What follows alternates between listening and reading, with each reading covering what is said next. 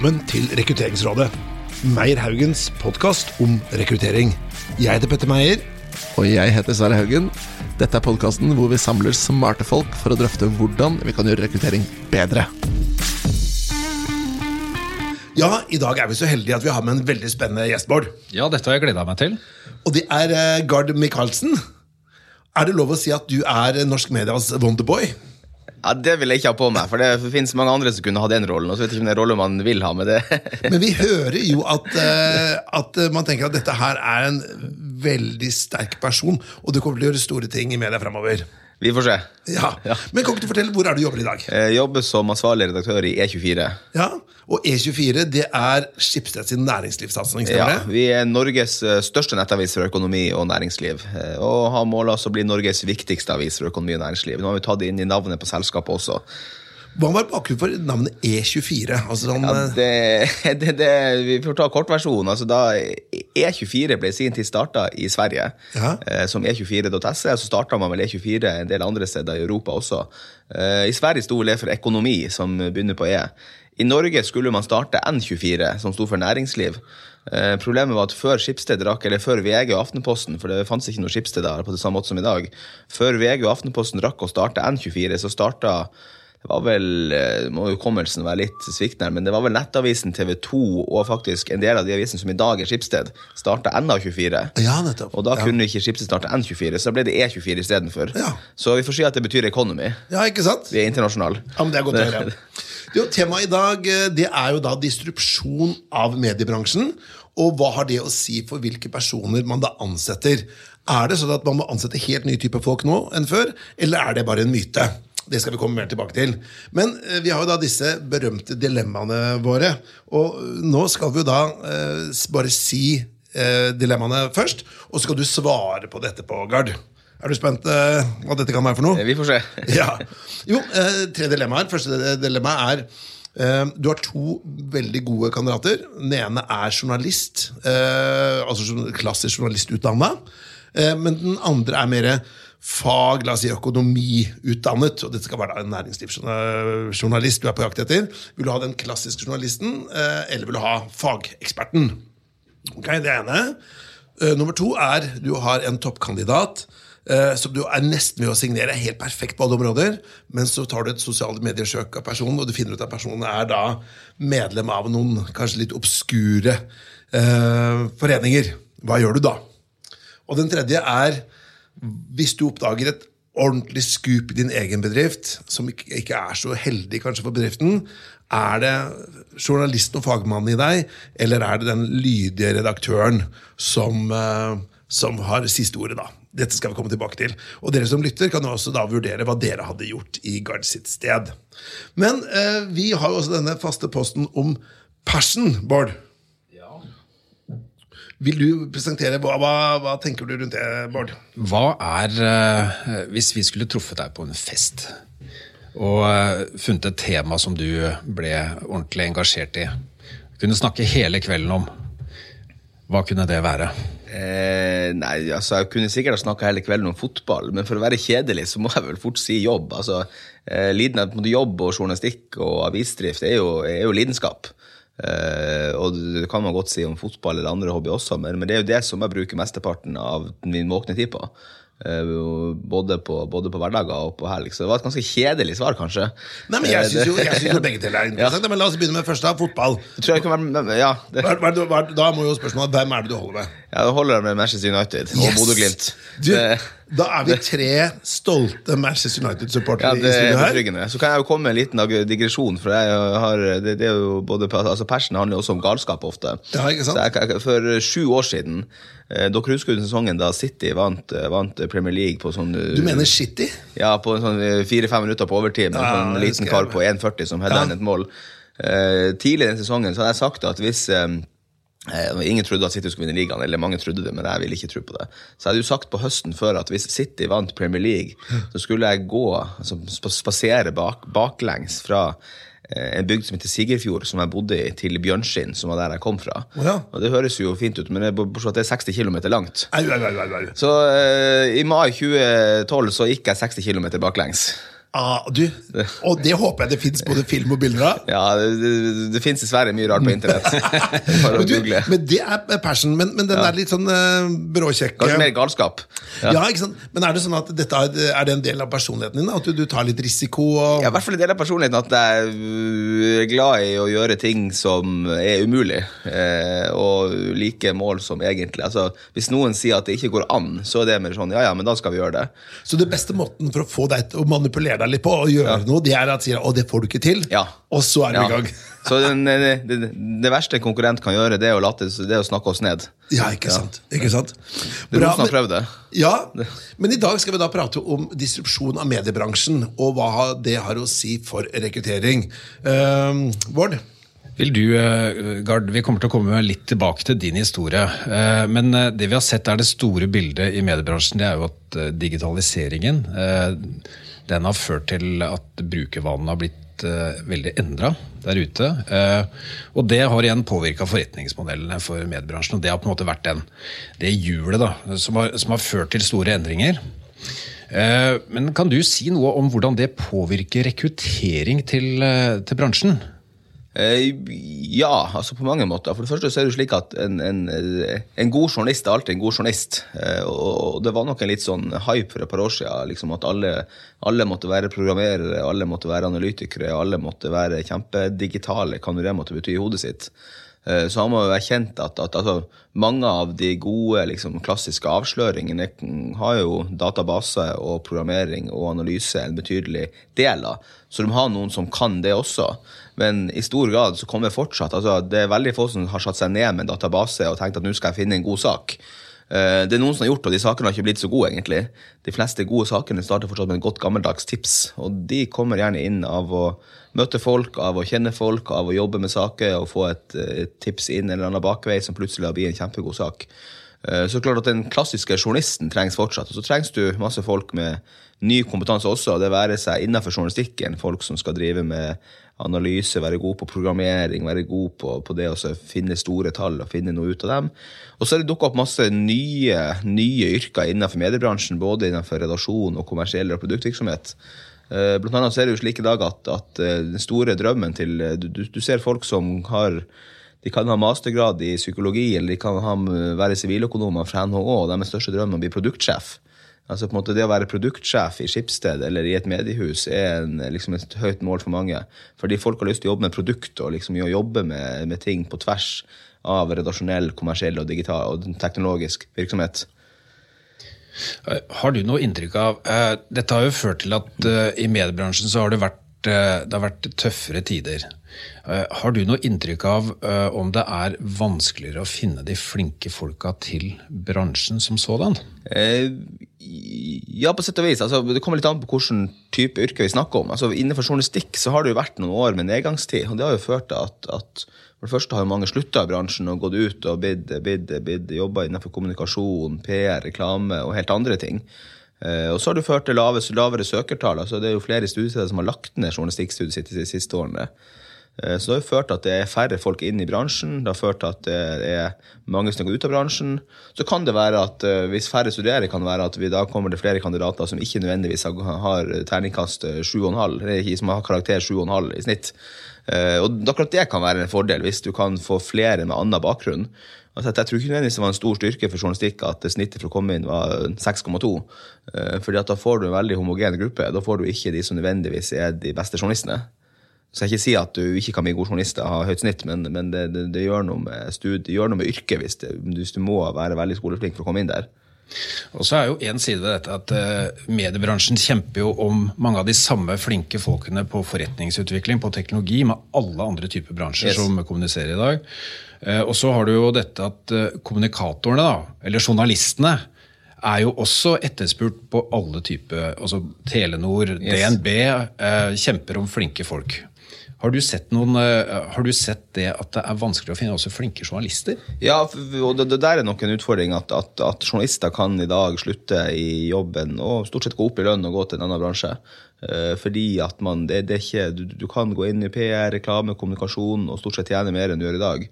Eh, Så det betyr at for de som kanskje ikke har den passion, apropos vi om i sted, for journalistikk, så, vi, så, så vil det være noen som da ser det likt å gå inn i andre bransjer. Eh, Men så er det noen som ikke, som ikke som aldri kunne tenke seg å jobbe innenfor PR og kommunikasjon. Så du kan si at de som blir igjen, kanskje, gjør, blir kanskje igjen fordi at de har lyst til å være der.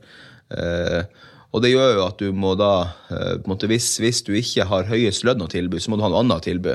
Så du må, tydelig, du må liksom være tydelig på at her, her er det en grunn til å være, her har vi et mål å nå. Her har vi en, en misjon utover det at vi bare skal tjene penger. For hvis målet bare tjene penger, så kan du jobbe andre steder.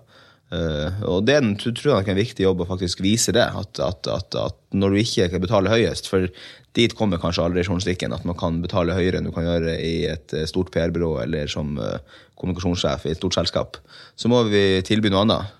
Men er det ikke sånn at de, de aller mest profilerte journalistene Nå aner jeg ikke hva de tjener, men hva vil du anslå de, de, liksom de kommentatorene og de som er sånn veldig profilerte, hva ligger de på i lønn? Er det lov å spørre om det?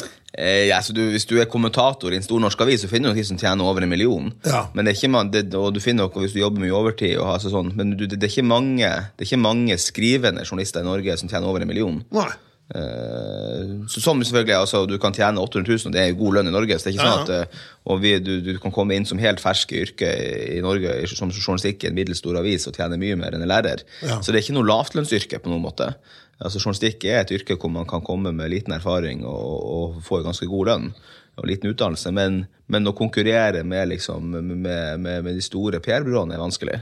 Ja, ikke sant? For jeg, Hvis du tenker snittlønna i Norge, da, Ja. det er jo rundt 500 000 Ja. kroner. Eh, og det er for en fulltidsmedarbeider. Og, og det er klart, hvis du da tjener ja, kanskje, De aller fleste journalister kommer inn i bransjen og tjener mer enn det fra dag én. Ja, ikke sant? Ja. Så det er jo ikke noe ja, det er som sier, Det er ikke noe lavlønnsyrke. Nei, nei, Nei. Og det er ikke synd på dem heller, Nei kanskje. da. Nei, det, Bra. Og så uh, har vi lyst til å komme litt tilbake til, fordi at eh, vi har jo lest uh, veldig hyggelige nyheter om uh, E24, og for så vidt andre aktører i bransjen da, disse dagene. Det kommer vi litt tilbake til. Men vi har en annen tanke ved å invitere deg her i dag. fordi temaet er distribusjon i mediebransjen, og du har jo gjort det nærmest egenhendig. Eh, Kan ikke du fortelle historien om hvordan du starta Medie24, som er et, som er et bransjenettsted? Ja, skal vi ta en korte eller lange? Mellomkorte versjon. Mellom- mellomkorte versjon. Nei, det er kort versjon. Jeg kom til Oslo for akkurat fem år siden, stort sett. Og, og hadde ja, slutta i en jobb i en, i en lokalavis. Var litt eh, Jeg skal ikke si jeg var lei, men liksom og lurte på hva jeg egentlig skulle gjøre med livet. Eh, og hadde ikke lyst til å være så synlig eller gjøre så mye ut av meg. Eh, og skulle jobbe som frilanser, var tanken i hovedstaden. Og det klarte jeg å gjøre i et par måneder. Eh, og jobba litt for en annen bransjenettsted innenfor en helt annen bransje som skrev om laks, oppdrett. Eh, og problemet, eller det, det jeg skjønte ved å jobbe der, og jeg tenkte, tenkte at nei, det her, det her må jeg gjøre sjøl. Altså, jeg så jo at, at gjennom å jobbe litt for den nettavisen tenkte jeg at det her var en kjempegod idé. Du kan ha eh, det å gjøre, lage avis trenger ikke å være, trenger ikke å være eh, 200 ansatte som skal sitte i et stort konsern og skal ha tunge systemer. Det kan være en PC, en, eh, en kjøkkenbord og en, en person som bare skriver nyheter om denne bransjen. Så da våkna jeg og tenkte at ja, faen, jeg må lage nettavis. Det er liksom kortasjon. Og da gikk det vel ca. fire dager fra ideen kom til jeg lanserte Medie24. Men var det det når du tenkte den eh, Var det liksom liksom skrekkblandet fryd at dette må jeg gjøre, men jeg vil egentlig ikke? Eller tenkte du yes, du fyrer på alle plugger? Dette var en super idé. Jeg gleder meg. Kan ikke komme raskt nok. Jeg tenkte at ja, middels god idé, men jeg har veldig lyst til å gjøre det. Ja. det er også, du kan si at eh, Jeg hadde jo gått et halvt år og ikke helt visst hva jeg ville gjøre, men da tenkte jeg faen, det her vil jeg gjøre. Ja. Jeg skulle lage en nettavis om mediebransjen. Eh, og da, da brukte jeg tre-fire dager på å sette opp en liten nettavis, og det var ikke noen disrupsjon i form av teknologi, for det var en det var en mildt sagt dårlig teknisk løsning på en enkel Wordpress-løsning som jeg hadde liksom eh, kjøpt en ferdig mal og prøvd å klatte på litt sjøl og fått å se middels, middels bra ut. Men distrupsjonen var mer i å vise hvor, altså, vise hvor effektivt du kan drive nettavis innenfor et segment. Og, og, og publisere liksom kombinasjonen av mange korte nyheter og noen ordentlige nyheter. Så den, den, den, den Jeg hadde en slags formel som jeg på en måte har, brukt og på mange måter blitt en slags merkevare. Det er liksom, hvis du kan bruke du, Jeg var jo én person i starten, første, første halvannet året. Så da, det er veldig begrensa hva én person kan gjøre. Du kan ikke skrive ti store avslørende saker hver dag. Men du kan bruke som jeg sa, du kan bruke én time på å lage sju korte saker, og så kan du bruke sju timer på å lage én ordentlig sak. Og så var det ikke helt sånn hverdagen det var, for hverdagen var annerledes. Det kan jo være at du noen ganger lager tre mellomstore saker, og noen ganger lager én kjempestor sak, eller noen ganger bare korte saker. Men ambisjonen med det var å vise at i hvert fall så kutte, kutte det vi kaller dritten i midten. Eh, og være kjempekynisk på hvordan du bruker tida di. eh, Og prioritere én ting, og det er journalistikken og innholdet. Og i løpet av et par år så var Medie24 kanskje det mest eh, Det viktigste mediestedet i Norge. For media? For media, Ja, Ja. ja. For, for jeg har jo ikke vært i mediebransjen så mye som dere, selvfølgelig. Og, og jeg tror dette er liksom kanskje litt for dere som da er journalister og, og kommer fra den delen. Dere er jo veldig mer kanskje opptatt av kampanje, eh, Medie24 og journalisten og, og de stedene der. Mens oss vanlige dødelige, vi, vi, det går liksom litt under radaren vår. Eh, tror du det stemmer, eller? Det kan nok stemme. Ja. Ja. Og så har jo Medie24 vært opptatt av å sette dagsorden litt utafor bransjen også, på en måte med store saker. Ja. Så det er noen saker de har, og kanskje særlig etter jeg forlot, har de vært veldig tydelige på andre, på andre på en måte vært lest av mange andre også. Ja. Og nå eh, er du da fra Medie24 til E24. Og skal du gjenta den oppskriften, da, eller? Eh, ja, i noe større skala. Altså, det er noe med det at eh, det er noen fellestrekk med at da vi starta Medie24, så hadde vi noen konkurrenter som var betydelig større enn det Medie24 var. Og som hadde en etablert posisjon, og som, og som, og som måte, kanskje tenkte at de var litt, litt, litt satt og aldri kunne miste den posisjonen. Eh, Og så er det veldig mange ting som ikke er likt, men, men i E24 så har vi en sterk digital posisjon, og vi har noen konkurrenter som er veldig dyktige og lager veldig mye god journalistikk. Eh, Men vi mener likevel at det er mulig å, å ta en posisjon der vi lager også god journalistikk og distribuere den til våre lesere, som er ganske mange, på en, på en, på en litt annen måte og, og, og, enn de gjør. Eh, og, klart at, at, at det er ikke noe Vi har jo satt noe hårete mål om å bli den viktigste næringslivsavisen i Norge, som er et ganske på en måte eh, ja, litt sånn galskapsmål og egentlig umulig, og derfor liker jeg det målet. Det, det. Du liker tydeligvis også å være utfordrerrollen. Eh, ja. ja. Det, det å være nummer én er Jeg skal ikke si det er kjedelig, for at jeg har forstått jobba i avisen som har vært, vært stor også, men, men det er noe at hvis du er nummer én, så må du hele tida se bak deg. Eh, og, da får du fokus på hvordan du ikke skal bli slått, og, jeg er mer glad i å fokus på hvordan vi kan slå noen. Altså Jeg pleier å si at jeg liker oppoverbakker mer enn nedoverbakker. Eh, for at du har, du har på en måte Når du hele tida kan se framover, og hele tida kan bli bedre, og hele tida har den uh, utfordrerposisjonen, så har du en helt annen mental eh, innstilling til hva du gjør. Og den tror jeg trives best i. Bra. Og så leste vi jo for noen uker siden og hørte deg altså fortelle om at nå skal E24 ansette 30 journalister. Og det var jo veldig hyggelige nyheter, eh, fordi vi har lest mye om nedbemanning i bransjen. Hvordan har responsen vært? Den har vært ganske spesiell artig. Altså, det er jo litt sånn, det slo ned litt som et, et, et, et, et lyn, både internt og eksternt, den dagen vi lanserte det her. Eh, og folk opplever det som, som ja, ganske fantastisk at noen faktisk gjør det. Eh, og det, det, det er jo ikke, Jeg kan ikke huske sist eh, om noen gang et norsk eh, altså Nærmest må komme kanskje da VGTV ble lansert, at man skulle bemanne opp såpass kraftig. Men å lansere en oppmanning på så mange journalister innenfor liksom tradisjonelt medie, tror jeg aldri jeg kan huske noen har gjort. Eh, Med forbehold for at jeg kan ha dårlig hukommelse. Eh, Så klart at, at eh, responsen har vært god. Masse god respons fra alt fra hodejegere til journalister til kandidater til andre som vil som syns bare det er bra, eller som er interessert i å jobbe for det, eller som har lyst til å mene noe om det. Og, og, det er klart at, at det, det som ligger bak denne satsinga, er at når, hvis du sier at du skal bli nummer én Og vi har jo for så vidt sagt det liksom, jeg har jo sagt det liksom, i, i et år før jeg begynte i jobben, at liksom, målet er å bli nummer én. Eh, problemet at uh, i en sånn gammel setup og det, med de ressursene vi har hatt, og med den veksttaksten Nå har 24 vokst mye de siste årene, eh, men likevel så har vi vokst i tempo som gjør det vanskelig å måtte, virkelig kunne klare den ambisjonen. Fordi at her handler ikke om å bli to journalister til, eller kanskje bli fire til, eller bli åtte til. Hvis du skal virkelig ta posisjonen, så må du bli så mange at du virkelig kan overprestere på journalistikken og levere. Altså du, du, du, må, må, du må ha flere journalister enn du egentlig har råd til for å kunne levere journalistikken du må ha for å bli nummer én. Men du sa responsen har vært veldig positiv. Er det sånn folk eh, har ringt og spurt om å få lov til å jobbe for deg? Ja, vi har fått masse søkere, så, så vi, vi, og det liksom, vi har egentlig ikke kommet ordentlig i gang med, med de, de prosessene. For vi, vi, da vi lanserte satsinga, så sto vi jo på en måte Hadde vi på en måte rykka litt tilbake før start. Eh, For vi må gjøre oss noen tunge tanker om hvordan vi gjør det her. Og så er det på en måte så det Vi snakka om rekruttering i stad. Vi skal jo ansette mange nye, men vi skal jo ikke fylle ledige hjemler, så vi har det ikke travelt. Vi skal ansette masse nye folk som hver og en skal styrke oss med noe, tilføre oss noe. Eh, Så på en måte har vi på mange måter, jeg skal ikke si, altså, vi har eh, ganske høye ambisjoner for de vi skal ansette. Eh, og det kommer kan ikke du komme litt inn, inn Ja. til det, for det som er viktig her, da, siden Ja. dette er en rekrutteringspodkast, så tenker jeg at du gjør ting annerledes Ja. eh, på, på, hva skal vi si, på mange områder. Men er du på jakt etter andre typer folk med andre typer kvaliteter, andre erfaringsbakgrunner, andre personligheter? Hva er, det som, si, hva er den ideelle kandidaten for deg? Ja, ja, nei, altså vi, vi skal jo ha tak i flinke journalister. Eh, og så kan det bety både økonomer og journalister og undersøkende, gravende analytikere og folk som er gode på database. Eh, men, det, men så har vi samtidig sagt internt at vi skal ikke vi skal ikke ha ett lag som gjør det vi gjør i dag, og så skal vi ha ett lag som gjør noe helt annet. Altså Vi skal jo bygge ett stort lag. Eh, og, det kom, og det kommer også til å ta tid. Eh, så vi har jo sagt at det å ansette 30 folk kommer til å ta et år, sikkert. Fordi at vi skal vokse i riktig tempo, og vi skal hele tida liksom absorbere veksten og bygge sten på sten. Nå høres jeg veldig kjedelig ut, men, eh, men det er på en måte noe med at hvis vi hadde bare ansatt de 30 første som hadde banka på døra, så ville vi blitt noe kaotiske der også. For det å i praksis ca. doble bemanninga, det tar tid. Nei, da hadde du fått litt voksesmerter. Ja, definitivt. Da har man også noen erfaringer med i de siste årene i en del andre mediehus at, liksom at det å vokse i riktig tempo er kjempeviktig.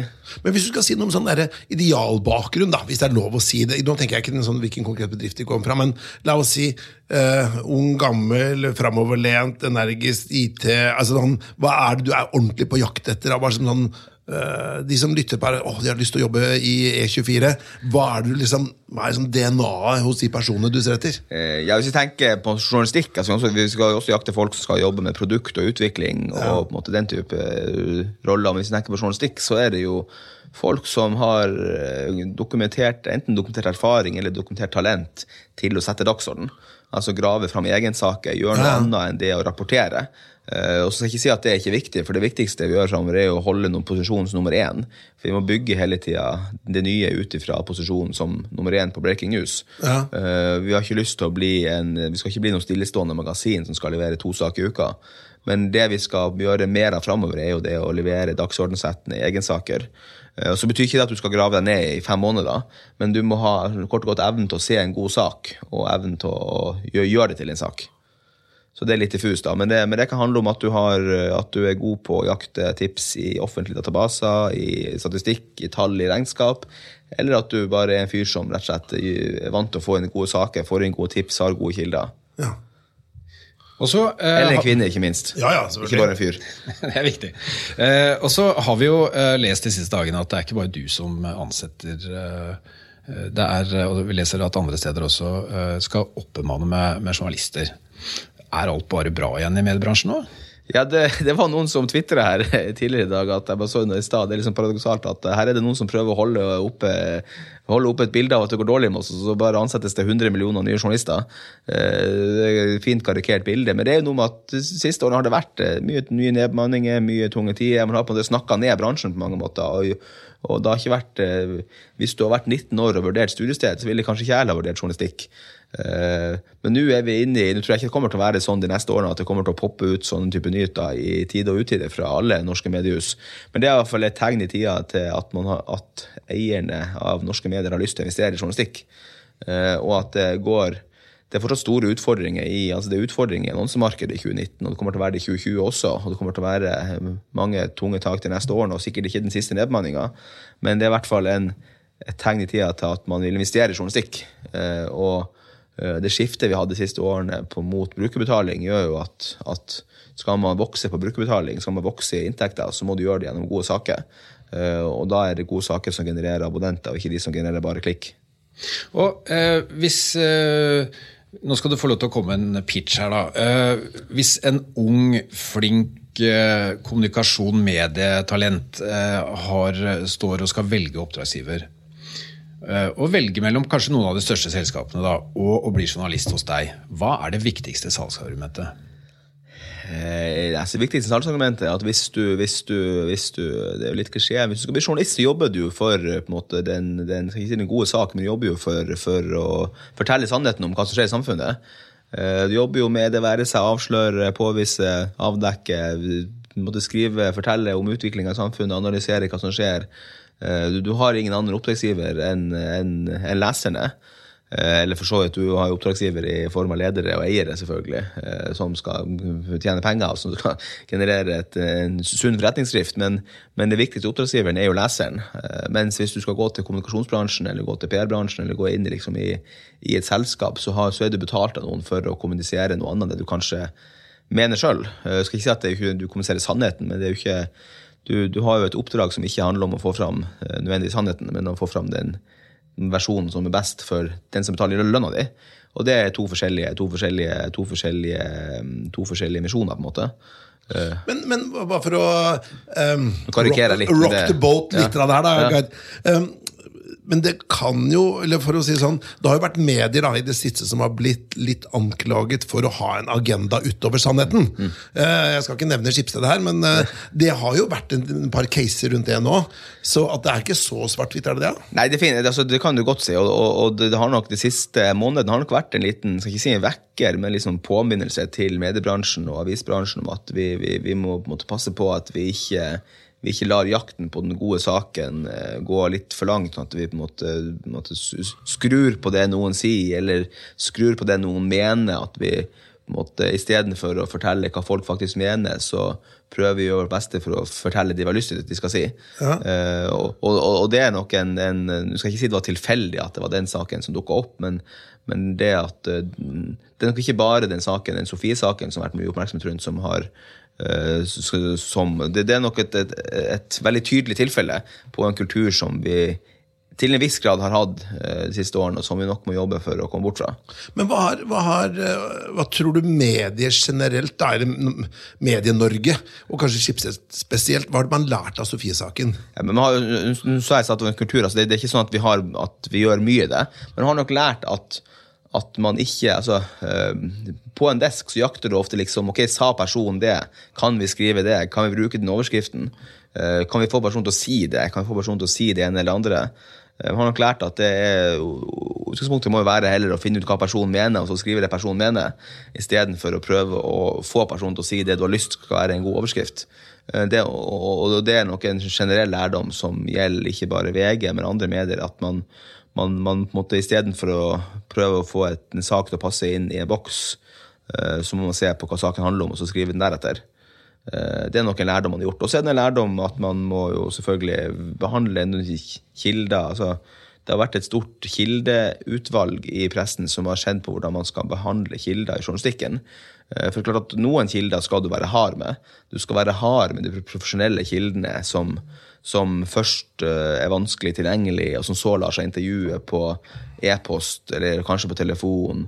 Og så skal de etterpå kreve sitatsjekk og skal endre det de har sagt for å prøve å få det passe inn i noe som en kommunikasjonsrådgiver mener de skal si. Eh, De kildene skal du være ganske hard med.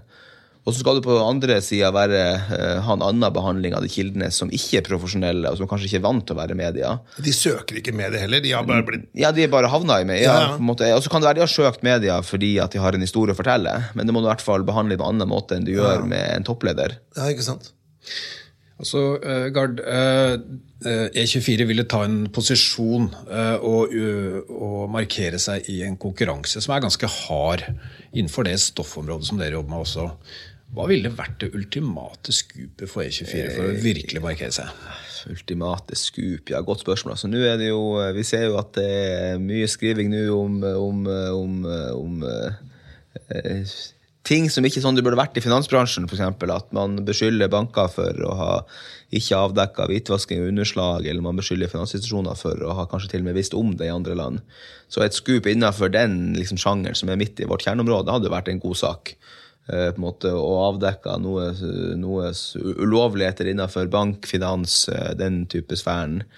Eh, Den klassiske tabloidsaken ville jo selvfølgelig vært at Exit-gutta står fram, eh, snakker ut om livet på Oslo vest. De virkelige De exit-gutta. Exit-gutta, ja. Eller, eller Kjelling Røkke snakker ut for første gang på ti år. Ja. Mann som har slutta i intervjuet. Eller, eller Fredriksen. Eller eller Fredriksen, ja, det er klart. Det, Bra. Du, jeg tenkte vi skulle nå løfte blikket litt. da. Eh, og hvis du skulle løst et problem innen rekruttering, da. For du har rekruttert mange journalister opp igjennom.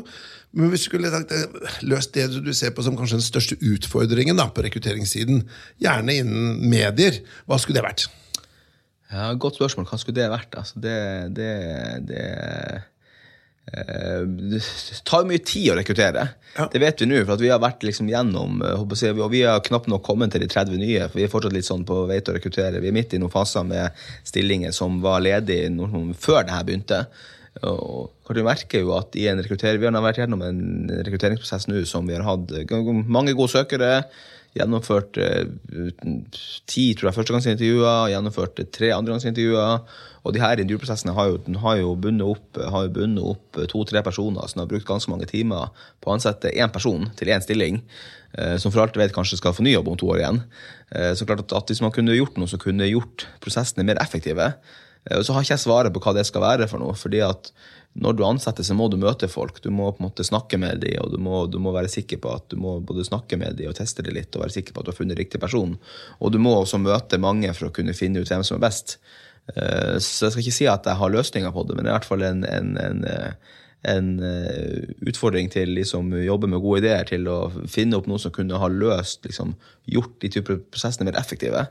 Og så er selvfølgelig det også et valg hos oss. altså Skal vi ha ti personer på intervju? Skal vi bruke tre personer på intervjuene?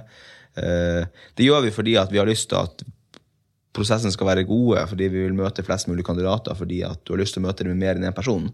Eh, Men det er jo en, en, er jo en, en, en liksom tanke at det tar ja, Det spiser opp mye ressurser. Ja, og det er jeg helt enig i. Det er jo, Nå skal ikke jeg prate for min bransje, som er rekrutteringsbransje, men det er jo nettopp det den hjelper deg med. da. Det er jo på en måte å ta den jobben for deg. Um, men jeg var jo på en, en ganske interessant konferanse i Paris, uh, Unleash, hvor det er sånne HR-tech-konferanser. da. Og der var det jo, Nå har jo disse intervjurobotene kommet. Mm. og innen noen bransjer så tar de seg av hele intervjuprosessen. uh, og de gir også avslag til de som ikke får, og velger de som skal ha jobben, helt untouched by man. Og så kan man selvfølgelig si at er det er det bra eller ikke? Og det har dette med etikken i logaritmen igjen. da. Men igjen, det er et tema for en helt annen podkast. Men uh, det er nok framtiden, i hvert fall noen jobber, at datamaskiner eh, tar den jobben for deg. Ja, Det finnes, det finnes sikkert verktøy som kan uh, gjøre prosessen raskere, men jeg tror nok at ansatte journalister det må fortsatt mennesker vurdere, i hvert fall i en stund framover. Og der er jeg Eh, 100% enig med deg. Men jeg tenkte vi nå skal vi komme til noe av det som er um, det aller morsomste i denne podkasten, og det er dilemmaene våre. Er du klar, Gard? Vi får se. Ja, og jeg håper at dere lyttere også har uh, tenkt uh, så det knaker på disse dilemmaene. Ok, Tre dilemmaer. Det første dilemmaet er du skal ansette til E24, og du har to veldig gode kandidater. Den ene er klassisk skolert eh, fra Journalisthøgskolen eh, og er veldig god på det, som det tekniske der, eh, men kan ingenting om økonomifaget. Den andre har ingen journalistisk eh, utdanning, men er la oss si, utdanna siviløkonom fra Handelshøyskolen i Bergen. Men er god til å skrive, da. Hvem ville du valgt? Eh, ja, Nå blir jeg liksom politiker, men vi skal jo ansette 30, så jeg ville sagt ja takk, begge deler. Gjort som oh, kjos. men men da, da har du ikke skjønt hele dilemmaspørsmålet. Fullstendig klar over. Ja. Det, nei, altså i, i, Det er vanskelig å være så kategorisk. eh, Men klart at hvis du har ingen kjennskap til økonomi eh, Nå vet jeg ikke om person nummer én om du er interessert i økonomi. Ja da. eller, Ja, da. Det er, det, alt utenom fagkunnskapen er der. Ja, ja vi, vi, altså Hvis vedkommende har lyst til å lære seg næringsliv og er interessert i økonomi og næringsliv, så ville jeg nok i hovedsak sagt én. Ja. Eh, fordi at det, det er Og det her er jo liksom to eh, skal jeg si, to, lære, to trender eller to sannheter i det her. Og Trygve Hegnar sier at det er lettere å lære en økonom å skrive når det er en journalist i økonomi. Ikke sant? Eh, og det er kanskje riktig for Finansavisen, som uttaler at de ikke skal skrive for folk flest. Ja. Eh, men vi, våre nyheter skal være forståelige for folk flest. Eh, de skal eh, ligge på, på toppen av vg.no, og da må det kunne forstås av den vanlige mann og kvinne i gata. Ja. Uh, og de, de fleste journalistene er 24. Nå har vi også mange flinke økonomer i staben som har økonomibakgrunn og tung, tung, altså tung erfaring med økonomisk eh, journalistikk. Eh, men, men ho hovedsak ville jeg nok valgt én. Bra. Bra. Skal jeg, ta, jeg kan ta eh, dilemma nummer to. Ja, vil du det? Vær så god. Eh, ok, du har gjort intervjuer, eh, både første gang og andregangsintervjuer, og har et kjempegod kandidat til en av de ledige jobbene dine. Så dukker det opp på referanseintervjuet ditt at eh, vedkommende er både medlem av UFO Norge, eh, sympatiserer med Flat Earth Community og sympatiserer med Sian. Ville du ansatt vedkommende? Hvis det er alle de tre samtidig, så tror jeg vi nok ville sagt nei. Eh, men, men, men- klart, vi måtte jo ha tatt en prat med vedkommende og funnet ut om det her er, er det her en, en, liksom, er det her en uh, satirestunt fra han, eller er vedkommende faktisk uh, så ytterliggående? Men hvis det eksempel bare var at, at det var bare medlem av UFO Norge, da. For jeg har vært borti det, det, det i mitt tidligere rekrutteringsliv. Ja. En superbra person eh, som da var medlem av UFO Norge. Og, og trodde på ufoer og hadde sett ufoer. Men hadde du syntes det var greit? Ja, UFO Norge er vel den minst farlige av de tre, så UFO Norge kunne kanskje gått bra. Ja. Ja. Men da tilsvarende, hvis du skal ha en, en journalist som, da, med, som mener at jorda er paddeflat, da. Ja, Nei, Det blir vanskelig. Ja. At Da har du så grunnleggende mangel på forståelse for hva som er kunnskap og hva som er fakta, at da kan du ikke jobbe som journalist. Nei, Nei. nettopp. Og, og eh, selv om personen ikke lot det influere på noe, altså, altså det var mer sånn sympatisert i den retningen. Ja, kanskje, men, det som, men, nå har jeg så, men nå får du en sånn grunnleggende mangel på å tro på at den personen forstår hva som er fakta. At, eh, da, Ja. da, da blir det vanskelig å være journalist. Okay. Da handler det vel også noe om tilliten til den journalisten Ja, fra ja. de der ute. Det er klart, Du vil ikke få tillit til den personen på noe som helst, egentlig. Nei. Men la oss si at hvis du hadde ekstreme politiske sympatier da, i en eller annen retning, om det er høyre- eller venstresida, hva, tenker du da? Nei, det, det her, altså, det, I prinsippet så tror jeg nok norsk presse har godt av flere som ikke stemmer like langt til venstre som de fleste norske journalister gjør. Eh, Men det å være medlem av Sian og være liksom så ytterliggående tror jeg ikke egner seg i den eh, måte, tradisjonelle, seriøse delen av norsk presse. Nei. Så du kunne ikke hatt en som brente Koranen på fritiden? Det går ikke Det ville vært utfordrende, i hvert fall. Ja. Det finnes andre nettsteder som tar imot dem. Ja, ikke sant? Det- Dessverre. Ja, Men du, jeg deler jo dine synspunkter her, virkelig. Men da er det siste dilemma. Uh, skal jeg ta den, eller, Bård? Ja. Uh, jo, uh, her er jo da det klassiske pressedilemmaet, da. Um, altså E24 eies jo av Schibsted. Uh, og på toppen her sitter jo Kristin Skogen Lund, tidligere sjef i NHO annet, og vært en veldig markant og flink skikkelse i norsk næringsliv. Men la oss si at noen kommer til deg med et rykte, da om at øh, Og dette er bare fiksjon, altså, det vi må si det om Kristin Skoglund. altså virkelig på alle vis Men la oss si at det hadde kommet om et, et rykte som ikke var helt heldig for henne. da Og så plutselig vokser det litt i styrke, og du sitter på et skup. Det er bare du som vet det. Og det er ganske drøy, drøy, drøy, drøy kost, og det er næringslivsrelatert. da hva, hva hadde du gjort da? Ja, hvis det er et rykte, så måtte vi ha behandla det journalistisk, selvfølgelig. Men hvis vi hadde jobba journalistisk med det som en sak, og funnet ut at det her stemmer, eller at det er grunn Så du nøsta i en sak, da Ja, og så hadde- finner Oi, på toppen av den der, Ja. der sitter Ikke sant? Altså, kan si at vi hadde selvfølgelig begynt å jobbe med saken, og hvis vi hadde gjennom saken funnet at her er det noe som er publiseringsverdig, eller noe som vi kan dokumentere, eller det er i hvert fall øh, nok til at det er verdt å skrive en sak, så ville vi selvfølgelig ha skrevet saken. Det er det svaret jeg må gi. Og det er jo det litt sånn spesielle med journalistikken, er at det er ingen som Du er redaktør fram til du ikke er det. Når du er redaktør, så er du på en måte litt sånn opplyst, øh, for, forhåpentligvis enevelde. Ja. Eh, Noen vil jo hevde at det tidvis er uopplyst enevelde, men du, har, du er på en måte enevelde i det du gjør, og du kan, det er ingen andre som kan påvirke det mediet skriver. Nei. Eh, og, Men du vet jo at hvis du bommer på den saken, la oss si det ikke var noe, så er du ferdig. Uh, ja, det tror jeg ikke. Jeg tror ikke måte, det, det, ja, det kan godt, altså, det, det er vanskelig å vite. Men så måtte man selvfølgelig vært like presis og like pinlig nøyaktig som du er med alle andre saker. Eh, men det er klart at hvis saken var riktig, så er det kanskje andre enn meg som er ferdig. Men, Jo, men, hvis- men det er heldigvis bare fiksjon der. Ja, ja, Det- selvfølgelig, selvfølgelig. men, det, du- men det du kan si at det, det finnes jo eksempler på det i norsk presse også.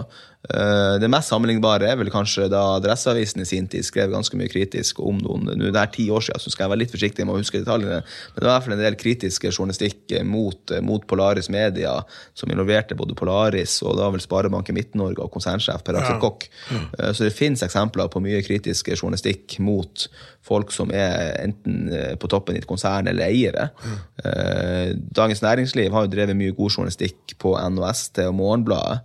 Eh, Det har også det legendariske intervjuet på 47 sekunder med Erik Must, som er en av eierne i Dagens Næringsliv. Ja. Så det, er på en måte norsk, norsk journalistikk og norsk presse har heldigvis ganske god, god tradisjon på å drive kritisk journalistikk, uavhengig av hvem det er som er målet for den. Ja. Du, jeg tenkte vi skulle gå inn for landing her. Dette har vært veldig spennende å prate med deg, Guide. Eh, dette med digitalisering, nye brukervaner og nye forretningsmodeller, det er vel ikke siste gang vi hører noe om det, men veldig spennende å høre din vinkling i forhold til opp mot dette med rekruttering til den bransjen. Siste ord, eh, Bård? Jeg syns det har vært hyggelig å høre ø, også om de gode nyhetene, Gard. Og det er gøy å høre på entusiasmen din og engasjementet for journalistikken. Altså, det gir ordentlig troa på at dette kommer til å gå bra. Ja, og vi bare ønsker deg veldig lykke til i E24, og vi skal være på sidelinjen og heie på deg. Takk for det. Så bare ringe til de som vil jobbe. Ja, det skal vi gjøre. Ok, ha det bra.